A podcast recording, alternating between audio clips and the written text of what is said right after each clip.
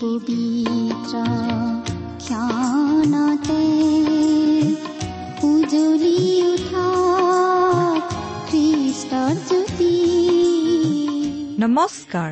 আমাৰ মৰমীয়াল প্ৰভু যীশুৰ মহান নামেৰে আপোনাক এয়া ভক্তিবচন অনুষ্ঠানলৈ আদৰিছো।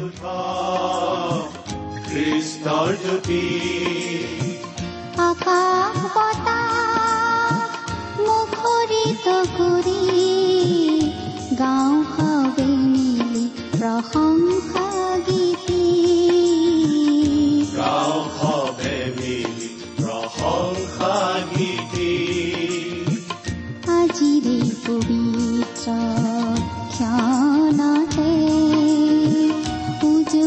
উঠা খ্ৰীষ্টৰ জ্যোতি ঈশ্বৰে আপোনাক যি অসীম প্ৰেম কৰিলে তাক যদি অনুভৱ কৰিব বিচাৰে আৰু তেওঁৰ অগম্য বাক্যৰ মৌ মিঠা সোৱাদ ল'ব বিচাৰে তেন্তে আহক আজিৰ ভক্তিবচন অনুষ্ঠানটো মনোযোগেৰে শুনো। এয়া আপোনালৈ আগবঢ়াইছো। ঈশ্বৰৰ জীৱন্ত বাক্যৰ অনুষ্ঠান ভক্তিবচন।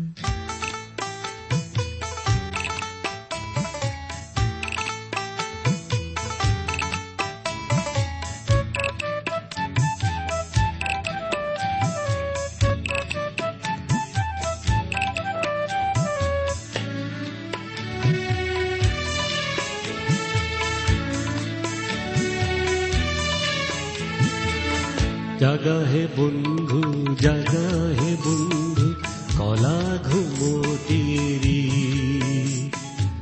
শুই থাকোতেই বেলি লহিয়াই আৰু নকৰা দেৰি। জাগা হে বন্ধু জাগা হে বন্ধু কলা ঘুমতিৰি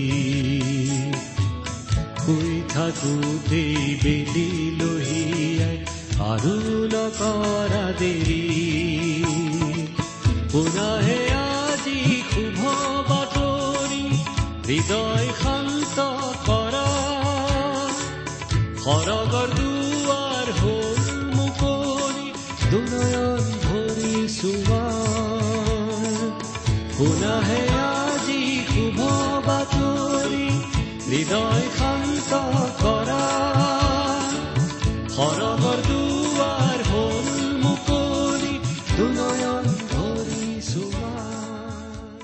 পৰিত্ৰাতা প্ৰভু যীশুখ্ৰীষ্টৰ নামত নমস্কাৰ প্ৰিয় শ্ৰোতা। কেনে আছে বাৰু? কালিৰ দৰে আছে নহয় চাগে? পিছে কালি কেনে আছিলনো? চাওক প্ৰিয় শ্ৰোতা প্ৰশ্নৰ শেষ নহব যেতিয়ালৈকে আপুনি তাৰ শেষ নকৰে। কেনেকৈ শেষ কৰিব সেই সীমাহীন প্ৰশ্নৰ? সহজ উপায় আছে। আপুনি চিঠি এখন লিখি সেই সমস্যাৰ খণ্ডন কৰিব পাৰে। কাৰণ আপুনি কালি কেনে আছিল? আজি কেনে আছে? আপুনি এই অনুষ্ঠান শুনি কেনে পাইছে কিবা অধিক জানিব বিচাৰে নেকি এই সকলো লিখি জনাব পাৰে আৰু আমিও এই সকলো জানিব পাৰিম। তাৰ ফলত আপোনাৰ আৰু আমাৰ মাজত এটা যোগসূত্ৰ স্থাপিত হ'ব। কিমান ভাল হ'ব আৰু কিমান ভাল লাগিব নহয়নে?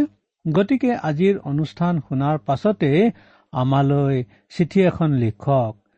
প্ৰিয় শ্ৰোতা আপুনি জানে যে আমি হুচেয়া পুস্তকৰ বৰ্তমান অধ্যয়ন চলাই আছো আৰু ইয়াৰ আগৰটো অনুষ্ঠানত আমি হুচেয়া আঠ অধ্যায়টো আলোচনা কৰিলো। আজিৰ আলোচনা আমি ন অধ্যায়ৰ পৰা কৰিম। আলোচনাত ধৰাৰ পূৰ্বে আহকচোন আমি প্ৰভু পৰমেশ্বৰৰ পৰা আশীৰ্বাদ ভিক্ষা কৰি তেওঁৰ গুৰিত প্ৰাৰ্থনা জনাওঁ হওক। আহক প্ৰাৰ্থনা কৰো। সৰগ নিবাসী হে পৰম পবিত্ৰ পিতা ঈশ্বৰ আপুনি সৰ্বশক্তিমন্ত সৰ্বজান আৰু সৰ্ববিৰাজমান ঈশ্বৰ আমাৰ সৃষ্টিকৰ্তা ঈশ্বৰ পালনকৰ্তা আৰু পৰিত্ৰাতা ঈশ্বৰ আপোনাৰ গৌৰৱ প্ৰশংসা মান সমাদৰ আৰু জয় জয় হওক।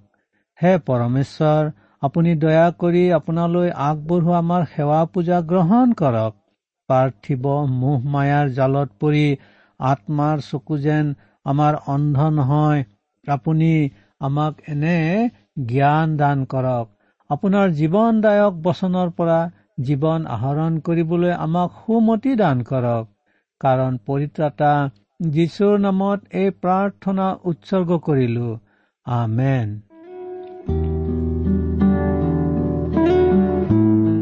প্ৰিয় শ্ৰোতা আহক এতিয়া সুচেয়া ন অধ্যায়ৰ এক পদৰ পৰা শেষ পদলৈকে অৰ্থাৎ সোতৰ পদলৈকে পাঠ কৰো হওক।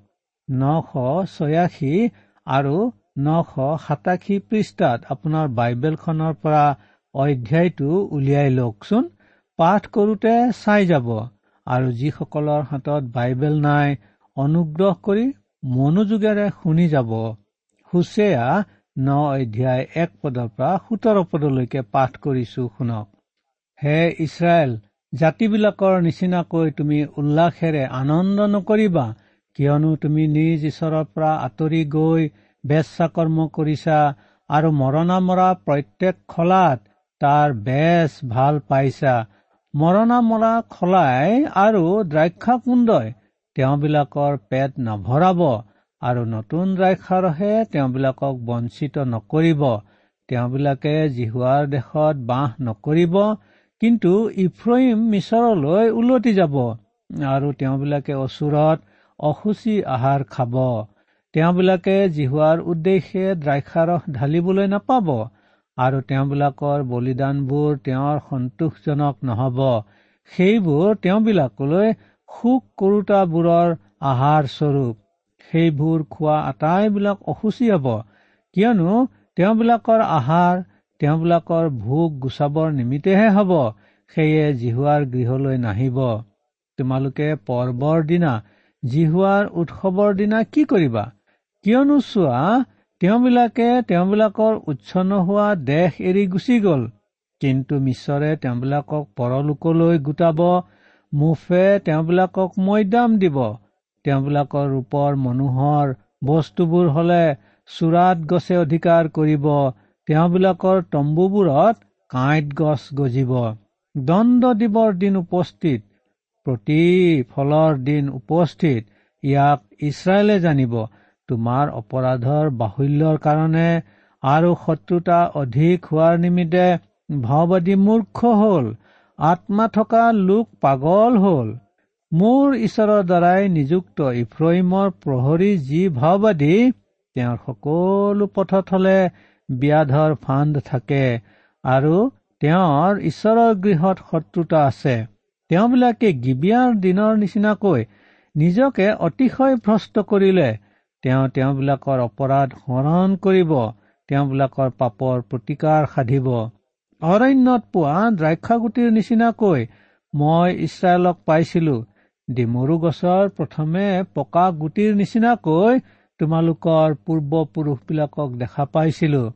কিন্তু তেওঁবিলাকে বাল পিউৰৰ ওচৰলৈ গৈ লাজ লগা বস্তুটোৰ উদ্দেশ্যে নিজকে পৃথক কৰিলে আৰু তেওঁবিলাকে প্ৰেম কৰা বস্তুটোৰ দৰে তেওঁবিলাক ঘৃণনীয় হল।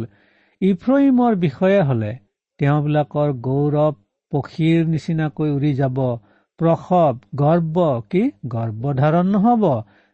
যদিও তেওঁবিলাকে সন্তান ডাঙৰ দীঘল কৰে তথাপি এটি মানুহো অৱশিষ্ট নথকাকৈ মই তেওঁবিলাকক সন্তানহীন কৰিম। কিয়নো মই তেওঁবিলাকৰ পৰা আঁতৰ হৈ যোৱা সময়ত তেওঁবিলাকৰ সন্তাপ হব। মই তোৰক যেনেকুৱা দেখিলো তেনেকৈ ইফ্ৰহিমো মনোহৰ ঠাইত স্থাপিত হল। কিন্তু ইফ্ৰহিমে হত্যাকাৰীৰ ওচৰলৈ নিজৰ সন্তানবিলাকক উলিয়াই আনিব। হে জিহুৱা তেওঁবিলাকক দিয়া। তুমি তেওঁবিলাকক কি দিবা?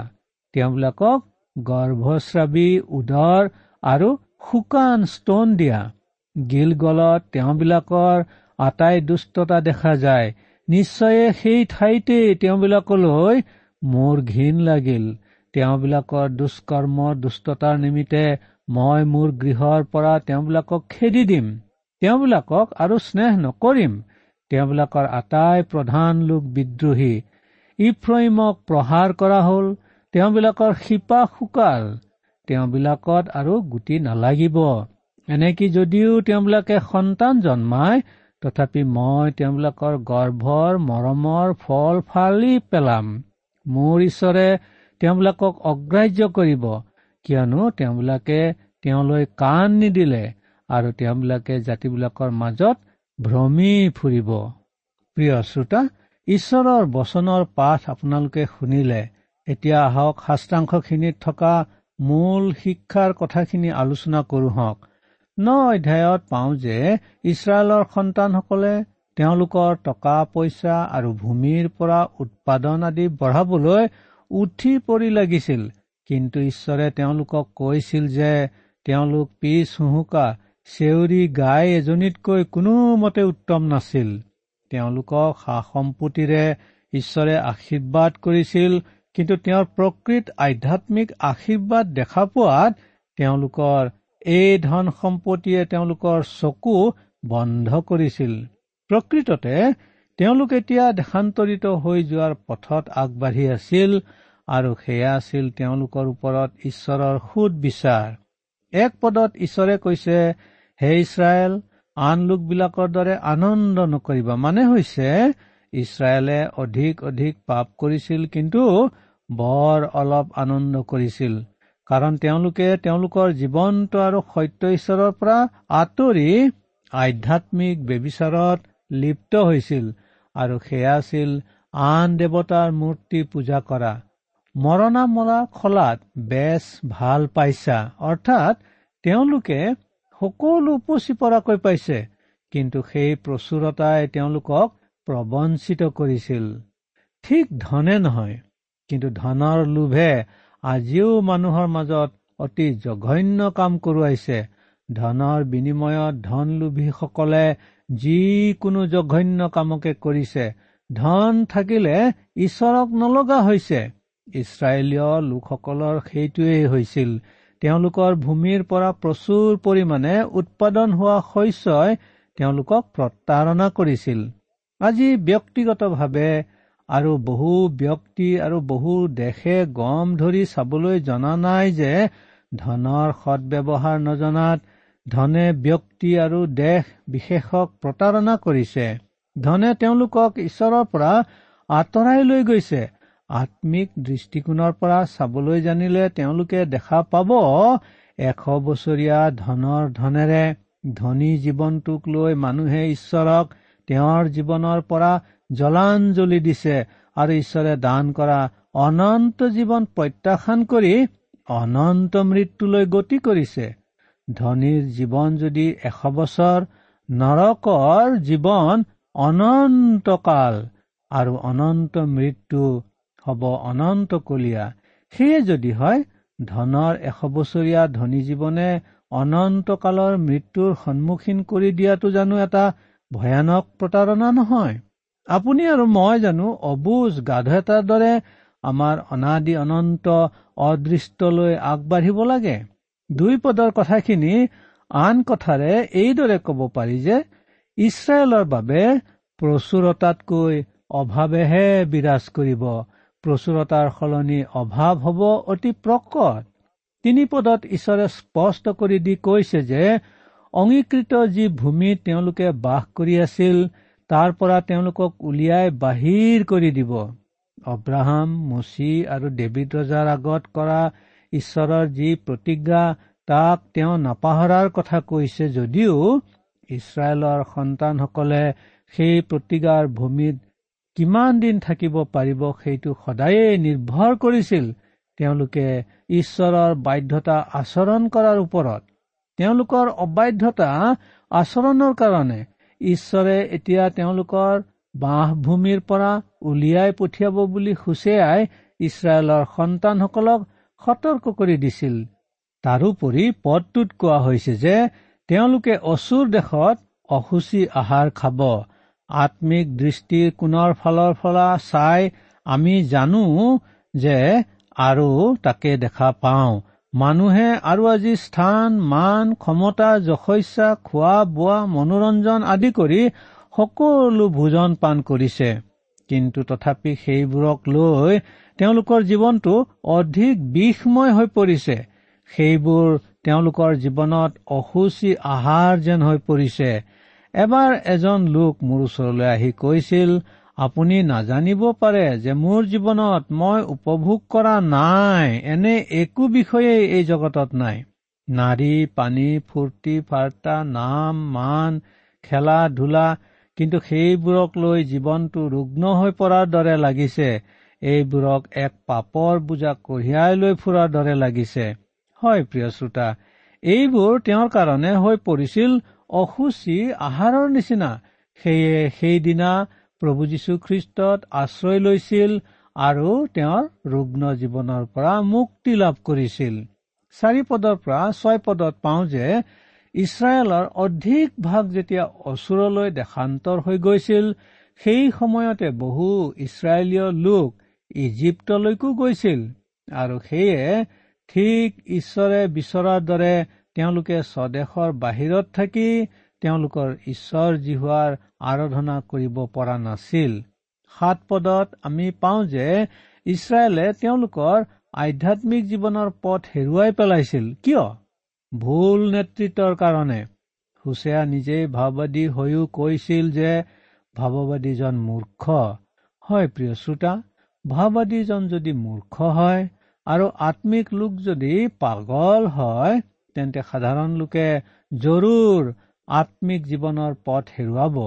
আজি আমাৰ মণ্ডলীসমূহতো সেইটোৱেই ঘটিছে। কোনো কোনো মণ্ডলীৰ নেতৃত্বই শিকাইছে যে ভাৰসাম্যহীন অনৰ্থক আৰু অদৰকাৰী গোহামী আৰু মণ্ডলীৰ ভেড়াৰ জাকে শিকিছে। আৰু কোনো কোনো মণ্ডলীৰ নেতৃত্বই শিকাইছে কিছুমান অশাস্ত্ৰীয় আৰু অদ্ভুত উদাৰ পন্থাবাদ যিবোৰৰ দ্বাৰাই পৰিচালিত হৈ মণ্ডলী সহজেই বিপথগামী হৈছে। কিন্তু অনৰ্থক আৰু অদৰকাৰী গোৰামী বা বিপথগামী কৰা উদাৰ পন্থাবাদে যি শিকায় সেইবোৰ সঁচা নহব। কিন্তু ঈশ্বৰৰ বচন বাইবেলে যি শিকাইছে সিহে সঁচা হব। সেয়ে বাইবেল শিকাওঁতে বাইবেলখনক বাইবেলৰ বচনৰ ভিত্তিতেই বাইবেল হিচাপেই আমি শিকাব লাগে। মুঠ কথাত গোৰামী বা উদাৰ পন্থা নিশিকাই আমি বাইবেল শিকাব লাগে। বাইবেল শিক্ষা লোকসকলেহে বাইবেলৰ দৰে চলিব পাৰিব। ন অধ্যায় আঠ পদ ঈশ্বৰৰ ভাওবাদী আছে কিন্তু তেওঁৰ সকলো পথত চিকাৰীৰ ফাণ্ডো আছে। আপুনি আৰু মই আমি যিসকলে ঈশ্বৰৰ বচন প্ৰচাৰ কৰো আমাক যদি ভাওবাদী গণ্য কৰা হয় তেন্তে আমাৰ পথতো শত্ৰু থাকিব। বাইবেল বিশ্বাস নকৰা বাইবেলৰ বিৰুদ্ধে কথা কোৱা উদাৰপন্থীসকলেই হৈছে আমাৰ সেইবিলাক পথৰ শত্ৰু। জগতৰ আজিৰ মণ্ডলীত বিশেষকৈ পাশ্চাত্য দেশসমূহৰ মণ্ডলীসমূহত উদাৰ পন্থাবাদৰ প্ৰভাৱ অতি অধিক। পাশ্চাত্য দেশসমূহৰ মণ্ডলীসমূহত সেই উদাৰ পন্থা ব্যাধৰ ফাণ্ডৰ দৰে হৈছে। উদাৰ পন্থাবাদে খ্ৰীষ্টীয় লোকসকলৰ মস্তিষ্ক শোধন কৰা দি কৰি আছে। ৰাজনীতিতেই হওক বা প্ৰচাৰ মাধ্যম বা গীৰ্জাৰ বেদী মঞ্চতেই হওক উদাৰ পন্থা বাট আজি জোৰকৈ উচ্চাৰিত হৈছে আৰু মানুহৰ ওপৰত তাৰ প্ৰভাৱ পৰিছে। কোনো কোনো গীৰ্জা এতিয়া সম্পূৰ্ণ উদাৰ পন্থাবাদৰ নিয়ন্ত্ৰণাধীন হৈছে। এনেবিলাক মণ্ডলীত আজি শপত খাবলৈকেহে ঈশ্বৰৰ নাম লোৱা হয়। আৰাধনা বা প্ৰাৰ্থনা কৰিবলৈ নহয়। ন পদৰ কথাটোৰ পৰা আমি বুজো যে ঈশ্বৰে সুদবিচাৰ কৰা কথাত কোনো যদি আৰু কিন্তু আদি অব্যয় শব্দ থাকিব নোৱাৰে। পাপৰ সুদবিচাৰ ঈশ্বৰে কৰিবই। আপুনি বা মই সেইটো পচন্দ নকৰিব পাৰো কিন্তু আমি পচন্দ কৰা বা নকৰা কথালৈ ঈশ্বৰে কেৰেপ নকৰে। ন অধ্যায় দহ পদ দ্ৰাক্ষ আৰু ডিমৰুৱে ইছৰাইল জাতিকেই বুজাইছে। ইছৰাইলে যে কেৱল সোণৰ দামৰিকেই ইছৰাইলত স্থাপন কৰিছিল এনে নহয় কিন্তু আহাব আৰু ইজেবলৰ দিনত তেওঁলোকে বাল দেৱতাৰ ভাৱদীবোৰৰো ইছৰাইললৈ আমদানি কৰিছিল। ন অধ্যায় এঘাৰ পদ আপুনি কেতিয়াবা খৰালি পক্ষীৰ চিকাৰ কৰিবলৈ কোনো বিল বা নৈলৈ গৈছেনে? আপুনি লুকাই লুকাই সতৰ্পণে অস্ত্ৰ টোৱাই আগবাঢ়ি থাকোতে কেনেবাকৈ সিহঁতে গম পাই উৰি গৈছে। আৰু আপুনি মুখ মেলি চাই আছে ইছৰাইলৰ গৌৰৱো সেই উৰি যোৱা খৰালি জাকৰ দৰেই হব। তেওঁলোকৰ গৌৰৱ উৰি যাব আৰু ইছৰাইলে কেৱল মুখ মেলি ওপৰলৈ চাই থাকিব। ঈশ্বৰৰ অনুগ্ৰহত ইছৰাইলৰ গৌৰৱ আদিম জগতত চাৰিওফালে জনাজাত হৈছিল। তেওঁলোকৰ গৌৰৱ জগতৰ জাতিবিলাকে নিজ চকুৰে দেখা পাইছিল। কিন্তু এতিয়া তেওঁলোকে তেওঁলোকৰ গৌৰৱৰ ঈশ্বৰক ত্যাগ কৰাত তেওঁলোকৰ পৰা গৌৰৱো পক্ষী উৰি যোৱাৰ দৰে উৰি যাব। নয় দে বাৰপদটোৰ কথাখিনি বৰ কঠোৰ। আৰু আজি যদি ইছৰাইলৰ দফৈদৰ অস্তিত্ব নাইকিয়া বুলি কোৱা হৈছে তেন্তে এটি মানুহো অৱশিষ্ট নথকাকৈ মই তেওঁবিলাকক সন্তানহীন কৰিম বোলা ভাৱবাণীটো সিদ্ধ হৈছে নেকি বাৰু? যদি হৈছে কি ভয়ানক কথা এয়া? অৱশ্যে বৰ্তমানৰ যিহুদী জাতিৰ মাজত সেই দহ ফৈদৰ বংশধৰ নাই বুলি অধিক লোকেই বিশ্বাস নকৰে। ঈশ্বৰে অব্ৰাহামৰ আগত অংগীকাৰ কৰি কৈছিল যে কেৱল প্ৰতিগাৰ দেশখনক দিব এনে নহয় কিন্তু তেওঁৰ বংশও বৃদ্ধি কৰিব সাগৰৰ বালিৰ দৰে আৰু আকাশৰ অগণ্য তৰাৰ দৰে। ঈশ্বৰে তেওঁৰ অংগীকাৰ ৰাখিলেও কিন্তু এতিয়া তেওঁলোকে ঈশ্বৰক ত্যাগ কৰি আন দেৱতাবোৰক পূজা কৰি ঈশ্বৰৰ বিৰুদ্ধে পাপ কৰাত এটি মানুহো নথকাকৈ মই তেওঁলোকক সন্তানহীন কৰিম বুলি ঈশ্বৰে তেওঁলোকৰ ওপৰত তেওঁৰ সুদ বিচাৰ ঘোষণা কৰিছে। আপুনি কি ভাবে প্ৰিয় শ্ৰোতা? ঈশ্বৰৰ এই সুদ বিচাৰৰ কাৰণেই ইছৰাইলৰ সন্তানসকলৰ দফৈদৰ লোকৰ ক্ৰমান্বয়ে বিলুপ্তি ঘটিল বুলি আপুনি ভাবে নেকি? নে কালক্ৰমত আটাইকেইটা ফৈদ জিহুদাৰ লগতে একাকাৰভাৱে মিলি গৈ এটা জিহুদী জাতিৰূপে পৰিচিত হৈছেগৈ বুলি আপুনি ভাবে? তেৰ পদত তোৰৰ কথা উল্লেখ কৰা হৈছে। ঈশ্বৰে এতিয়ালৈকে তোৰৰ সুদবিচাৰ কৰা নাছিল। তোৰ আছিল বাণিজ্যৰ কেন্দ্ৰস্থল। জ্বৰ উঠাৰ দৰে অৰ্থনৈতিক আৰু বাণিজ্যিক দিশত তোৰ সমৃদ্ধিশালী হৈ উঠিছিল আৰু প্ৰভাৱ গৈ ইছৰাইলৰ উত্তৰ ৰাজ্যত পৰাত ইছৰাইলেও বাণিজ্য ক্ষেত্ৰত সমৃদ্ধিশালী হ'ব পাৰিছিল। কিন্তু ইছৰাইলৰ এই সমৃদ্ধি আছিল বৰ চলনাময়ী কাৰণ সমৃদ্ধিৰ দ্বাৰাই ইছৰাইল জাতিটো প্ৰবঞ্চিত হৈছিল।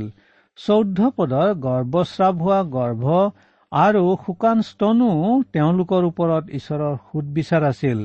জাতিটোৰ নাৰী লোক সকলো সুদবিচাৰৰ পৰা ৰেহাই পোৱা নাছিল। গৰ্ভস্ৰাৱ হোৱা গৰ্ভ থকা আৰু গৰ্ভ নথকা একে কথা আছিল। সেইদৰে শুকান স্তন থকা আৰু স্তন নথকাও একে কথা আছিল। জনসংখ্যা হ্ৰাস কৰাত গৰ্ভস্ৰাৱী গৰ্ভ আৰু শুকানস্তনে বিস্তৰ অৰিহণা যোগায়। ইছৰাইলৰ সন্তানসকলৰ সেইটোৱে ঘটিছিল। পোন্ধৰ পদৰ কথাখিনি আন কথাৰে জিহুৱা ঈশ্বৰে এনেদৰে কৈছিল যদিও মই তেওঁলোকক ভাল পাইছিলো তথাপি তেওঁলোকে গিলগলত যি পাপ আচৰণ কৰিলে সেই পাপ আচৰণেই তেওঁলোকৰ ওপৰত মোৰ সুদ বিচাৰ আনিলে। এয়া তোমালোকৰ বাবে সতৰ্কবাণী হোৱা উচিত। মই পুনৰ তোমালোকৰ বিচাৰ কৰিম আৰু তেতিয়া তোমালোকে জানিব পাৰিবা যে মই আৰু তোমালোকক ভাল নাপাওঁ। ষোল্ল পদৰ কথাখিনিৰ অৰ্থ হৈছে যে ঈশ্বৰৰ সুদবিচাৰ শস্য উৎপাদন আৰু ফল মূলৰ ওপৰতেই কেৱল নহ'ব কিন্তু আন আন কথাটো সেই সকলো খাটিব। ষোল্ল পদৰ কথাখিনিৰ অৰ্থ হৈছে সুদবিচাৰ। সেইদৰে সন্তান উপজাৰ ক্ষেত্ৰতো তেওঁৰ সুদবিচাৰ থাকিব। আন কথাত ইছৰাইলৰ পাপে সকলোৰে ওপৰত ঈশ্বৰৰ সুদবিচাৰ জাপি দিছিল। সোতৰ পদত ঈশ্বৰে কৈছে যে তেওঁৰ সুদবিচাৰেৰে তেওঁ ইছৰাইলৰ সন্তানসকলক বাসভূমিৰ পৰা বাহিৰ কৰি উলিয়াই পঠিয়াব আৰু তেতিয়া তেওঁলোক জাতিবিলাকৰ মাজত ভ্ৰমি ফুৰিব। প্ৰকৃততে দেশান্তৰ হৈ যোৱাৰ পাছত ইছৰাইলৰ দহটা ফৈদে ফৈদ ৰূপে পৃথকে পৃথকে বা নিজ নিজ ফৈদৰ পৰিচয় লৈ স্বদেশলৈ ঘূৰি অহা নাছিল। কিন্তু এইটোহে সঁচা যে তেওঁলোকে যীহুদাৰে সৈতে স্বদেশলৈ ঘূৰি আহিছিল সান মিহলি হৈ এক মিশ্ৰিত যীহুদী জাতিৰূপে। আৰু সেই মিশ্ৰিত জাতিৰূপেই তেওঁলোক গোটেই স্বভূমিত সিঁচৰতি হৈ পৰিছিল। প্ৰমাণৰূপে চাওক জোচেফ আৰু মেৰী যীহুদা বংশৰ লোক আছিল কিন্তু তেওঁলোকে বাস কৰিছিল একেবাৰে উজনিৰ পেলেষ্টাইনত গালিল প্ৰদেশত।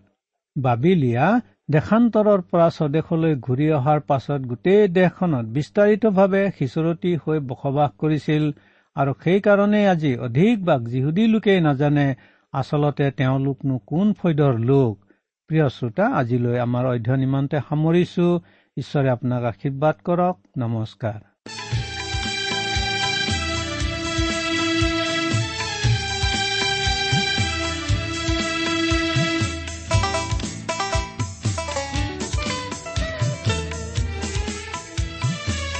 যিশুৱে মাতে আহা কাষৰে ভয় শংকা অনন্ত জীৱন আছে তেওঁতে আহা সবে আজি দৰি যিশুৱে মাতে আহা কাষৰে ভয় শংকা অনন্ত জীৱন আছে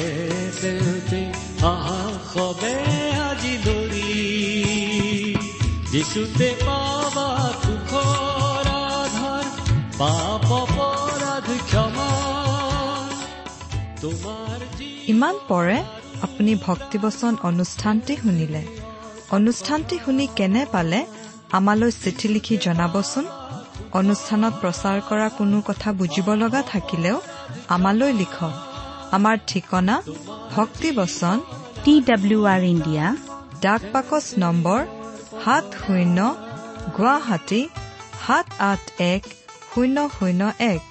ঠিকনাটো আৰু এবাৰ কৈছো ভক্তিবচন T W R India.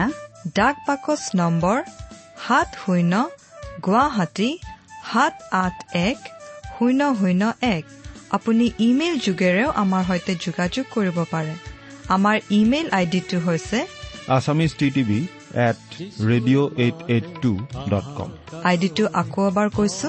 Assamese T TV at radio' eight eight two dot com আপুনি টেলিফোনৰ মাধ্যমেৰেও আমাক যোগাযোগ কৰিব পাৰে। আমাৰ টেলিফোন নম্বৰটো হৈছে শূন্য তিনি ছয় এক দুই ছয় শূন্য চাৰি ছয় সাত এক। ফোন নম্বৰটো আকৌ এবাৰ কৈছো zero' three six one two six zero' four six seven one আজিৰ অনুষ্ঠানটি ইমানতেই সামৰিছো। ঈশ্বৰৰ শান্তি আৰু অনুগ্ৰহ আপোনাৰ লগত থাকক। ধন্যবাদ।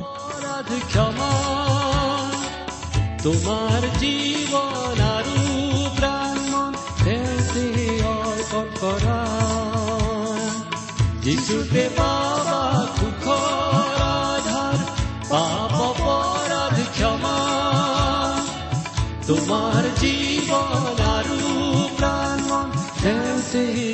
অৰ্পণ কৰা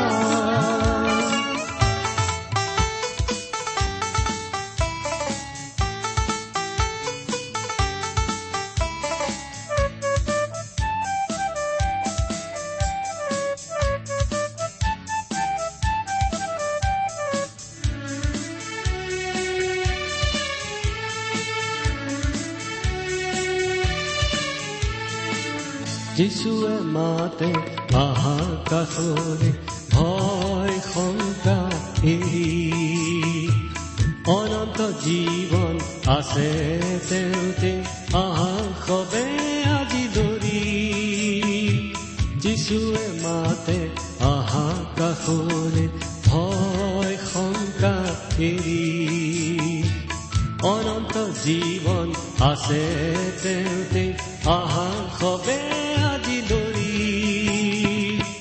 যিচুতে পাবা সুখৰ আধাৰ পাপ অপৰাধ ক্ষমা। তোমাৰ জীৱন আৰু প্ৰাণ তেওঁতে অৰ্পণ কৰা। যিচুতে পাবা